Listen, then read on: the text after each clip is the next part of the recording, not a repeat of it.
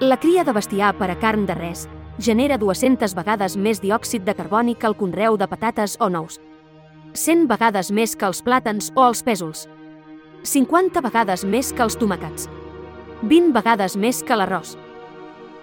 Aquests són els números en valor absolut. Un quilo de carn de cap de bestiar exigeix expulsar a l'atmosfera 100 quilos de CO2. És a dir, 100 vegades més. Les altres carns no són tan extremes, però també són molt contaminants. En ordre, de major a menor, xai, 40 kg, gambes de granja, 27 kg, porc, 12 kg, aus, 10 kg.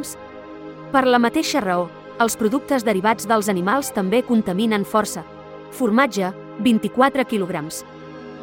Ous, 5 kg. Llet, 3 kg. Tot això per cada quilo d'aliment produït. La majoria de vegetals estan entre el mig quilo i els 2 quilos. Excepcionalment, el quilo d'arròs genera més de 4 kg de CO2.